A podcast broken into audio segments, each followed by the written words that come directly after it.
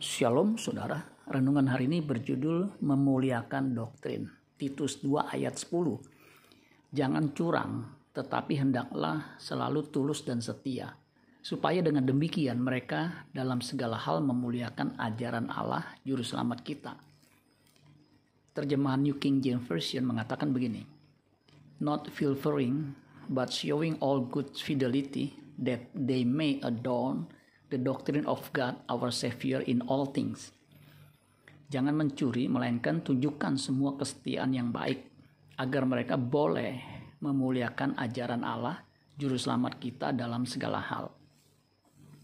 Doktrin yang benar bukan saja bisa kita pelajari, tapi harus berdampak terhadap orang yang mempelajarinya.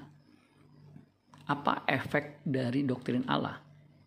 Doktrin yang benar harus mengubah orang menjadi manusia yang tulus hatinya, tidak ada kecurangan di dalam hatinya. Selain itu, doktrin itu mengarahkan orang untuk jadi bijak.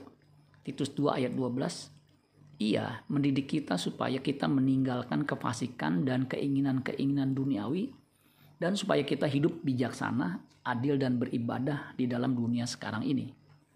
Apakah selama ini hidup kita jadi lebih baik? Jika hidup kita tidak semakin baik, jangan-jangan doktrin yang kita pelajari bukan doktrin Allah. Amin buat firman Tuhan. Tuhan Yesus memberkati. Sola Gracia.